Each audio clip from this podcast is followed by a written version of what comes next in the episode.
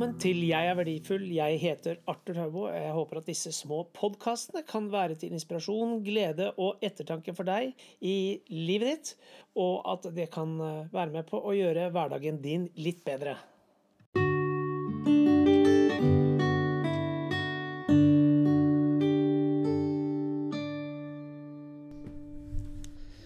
Kjære venn, det har blitt litt sånn adhoc i det siste. Og det skulle faktisk en person som jeg møtte her om dagen, faktisk på lørdag, som jeg plutselig så, og så sa hun hei. Hei, Arthur. Du, du må lage flere podkaster. Du må sende flere, for jeg, jeg, lytter på det, og jeg vil gjerne høre på det.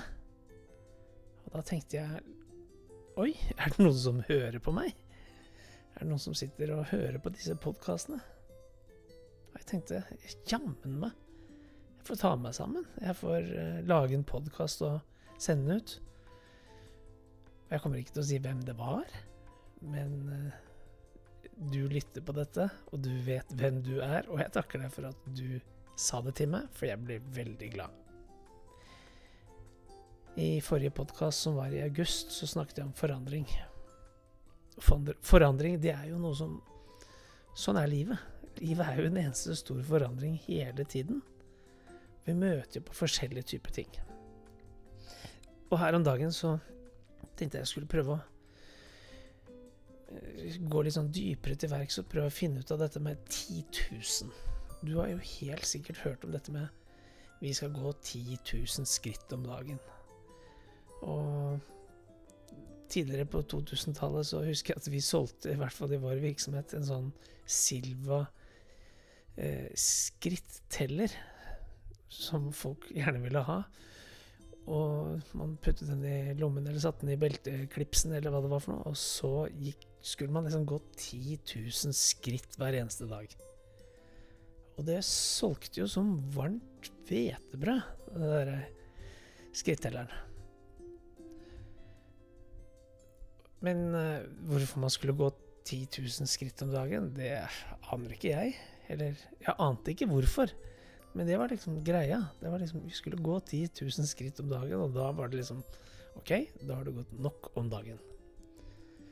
Og så har jeg gjort en del undersøkelser etterpå, da, for å prøve å finne ut hvert senere tid, for å prøve å finne ut hvorfor Hvorfor 10 000? Og så viser det seg at det er et japansk selskap som har holdt på med et sånt markedsføringsstunt for en god del år siden.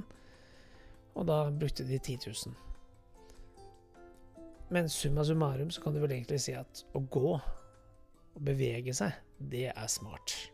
Og jeg har jo hørt om at vi skal gå en halvtime om dagen osv. Det er smart å bevege seg, det er smart å holde seg i form.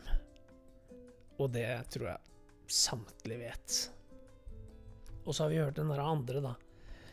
At uh, Thomas Alveidesen fant ut 9999 måter å ikke få en lampe til å lyse. Og den titusende gangen så fikk han det til. Og så har vi jo hørt dette videre om at du skal legge ned 10 000 timer. Og da kan du jo på en måte gange alle dagene i et år, og så gange det, bla, bla, bla, og så får du 10 000, og så er du på en måte god. Men hva er det egentlig dette handler om? Det handler vel egentlig om at eh, det vi bruker tid på, det vi syns er interessant, og det vi liksom lærer oss, det kan vi bedre enn hvis vi ikke bruker tid på det. Men det er veldig lett i den verden som vi lever i i dag, at vi finner ut liksom at eh, Ja, du kan jo bare gå på og se på VG. Det er jo alle disse overskriftene. Det er jo det vi kaller for clickbate. clickbait. For å få opp seertall og få opp klikk frekvens, tjene mer penger osv. osv. Og og da handler det om overskrifter. Og hvis jeg hadde f.eks. sagt eh, Hvis det fantes en mulighet til å klikke på en knapp, og hvis du gjorde det, så ville du tjene 10 000 kroner dagen, ville du vært interessert i å høre om det? Selvfølgelig ville vi vært interessert i det. Og sånn er vi mennesker. Vi liker disse enkle greiene. Vi må ha noe helt konkret å forholde oss til og forstå. Jeg har utrolig mange nettsider. Jeg tester ut all verdens ting, og har ikke vært så veldig vellykket alt sammen. Og jeg har hatt masse prosjekter. Jeg tror mesteparten av det jeg holdt på med, har gått rett i dass. Men jeg gir meg liksom ikke. Og som du husker, så snakket jeg i august om dette med forandring. Og nå er jeg her igjen. Ad hoc, som jeg begynte å si. Kommer tilbake. Og takket være vedkommende som jeg møtte her om dagen på lørdag så er jeg igjen, og jeg trosser all verdens type problemer og innstillinger og alt mulig, og så snakker jeg. Og jeg vet ikke hva du får ut av det, men jeg snakker rett fra levra, jeg snakker mine tanker, jeg snakker det jeg tenker på. Og så sier jeg det rett ut, og så redigerer jeg ingenting. Jeg bare legger på litt musikk foran og sier hallo, og så avslutter jeg med litt musikk, og så sånn er det. Jeg bruker ikke timevis på å lage et eller annet som jeg håper at skal være perfekt. For det er ikke perfekt. Jeg er ikke perfekt. Men jeg ønsker meg et liv som er bra. Jeg ønsker at ting skal være i orden rundt meg. Og en av de tingene jeg har lagt merke til i det siste, er at folk har utrolig mye frykt. Og jeg vet ikke hvordan det er med deg. Hva er det du er redd for? Hva er det du frykter? Hva er det det verste som kan skje? Og vi mennesker, vi dukker jo opp, eller vi møter jo forskjellige typer frykter og ting som vi må forholde oss til hele tiden. Og da er spørsmålet hva er det vi er redde for? Er vi redde for å dø? Er vi redde for hva som skal skje neste uke? Er vi redde for at hvis vi mister jobben? Er vi redde for ja, det mest populære setningen i år er covid-19, kanskje? Er vi redde for det? Skal vi holde én meters avstand? Hvem skal vi ta vare på? Hvordan skal det gå? Hva, hva skal vi gjøre etter den oljeimperiet i Norge er blitt borte? Hva skal vi leve av? Skal vi alle klippe håret til alle? Og så videre.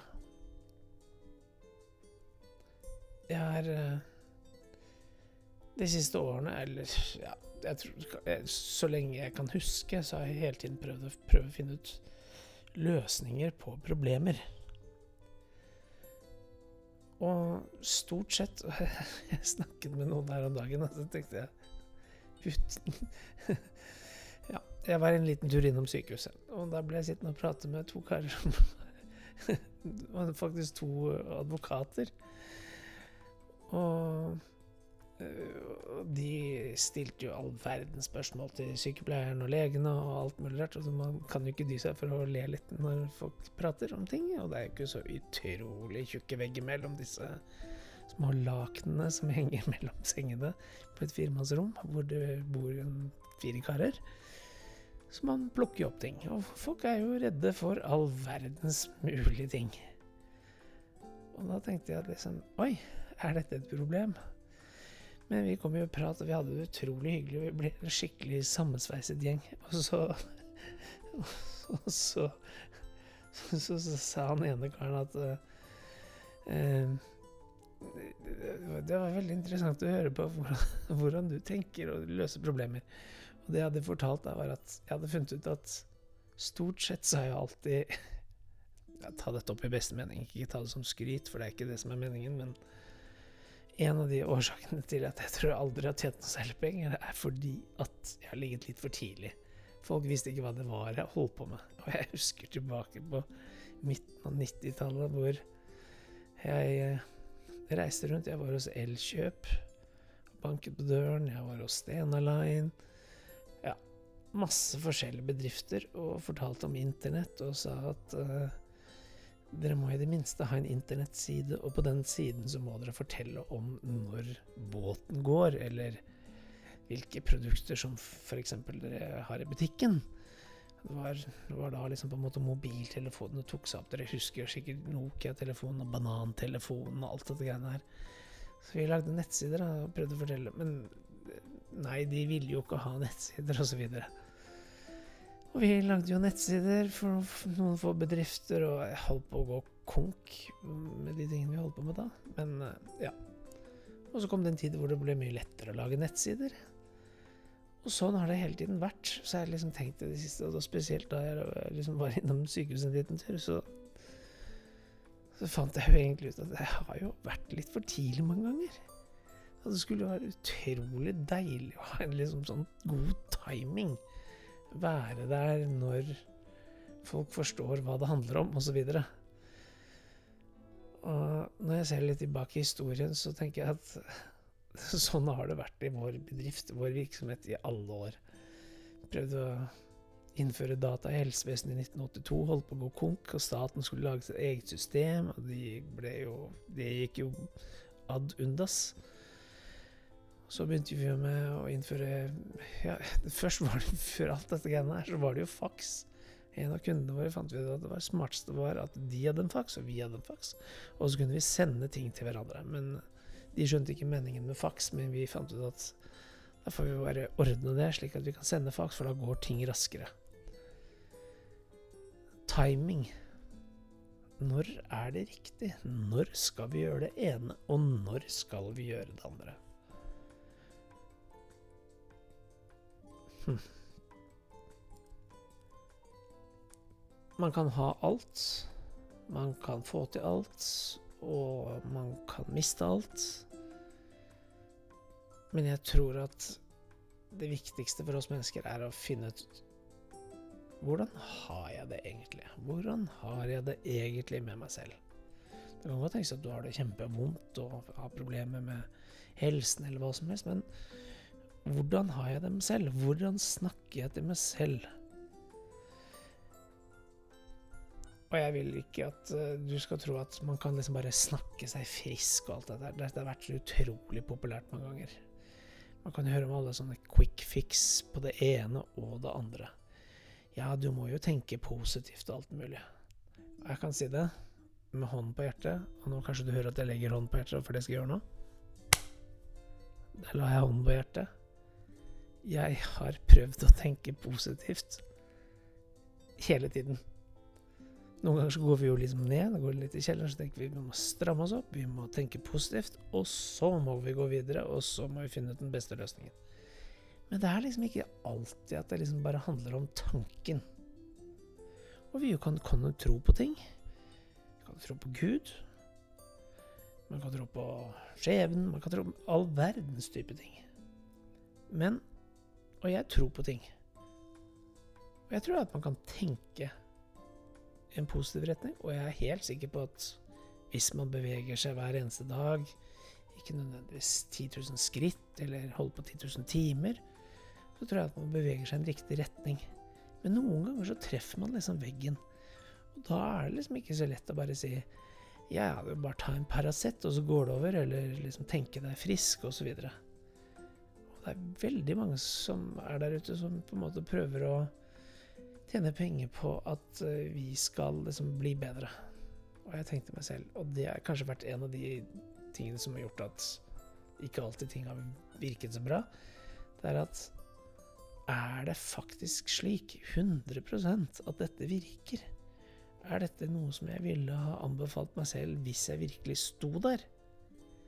Og hvis det ikke er det, hva da, liksom?